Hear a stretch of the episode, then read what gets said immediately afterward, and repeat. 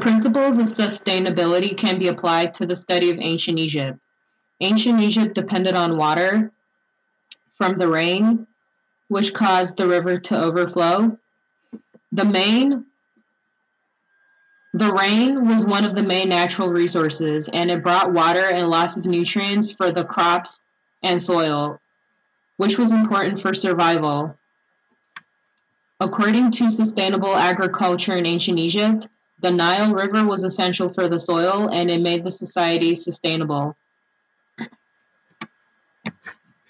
The ancient Egypt the, the ancient Egyptian also practiced agriculture according to grasses in ancient Egypt. They were abusing the land in a way. Many of them relied on farming and irrigation. The excessive use of the land resulted to the increase of salt inside the soil. There was a massive water um, and there was a massive water and evaporate, evaporation. This also led to salinization. In worst cases of salinization, plants were not growing on land. So, in order to avoid salinization, oh, I'm sorry, uh, in order to avoid starvation, the ancient Egyptians planted fields of wheat and barley on the land. Another principle of sustainability was injury. There were many traumatic injuries that occurred in ancient Egypt. For example, there were incidents and there was a lot of violence and surgical intervention.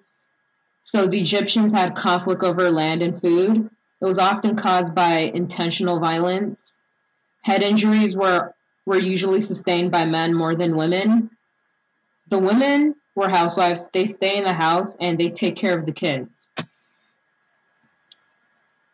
According to ancient Egypt, during this period, the during this period there were many conflicts over land, the production of food, and control of the kingdom.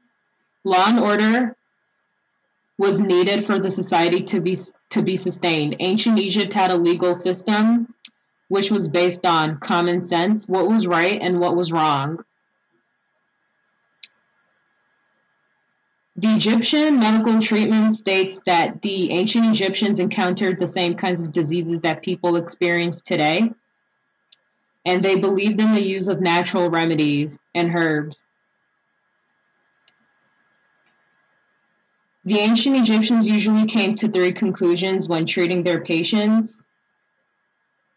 Number one, two, and three is that I can treat this condition, I can contend with this condition. When the Egyptians had issues with their eye and skin, it was treated by the use of spells and ritual recitations.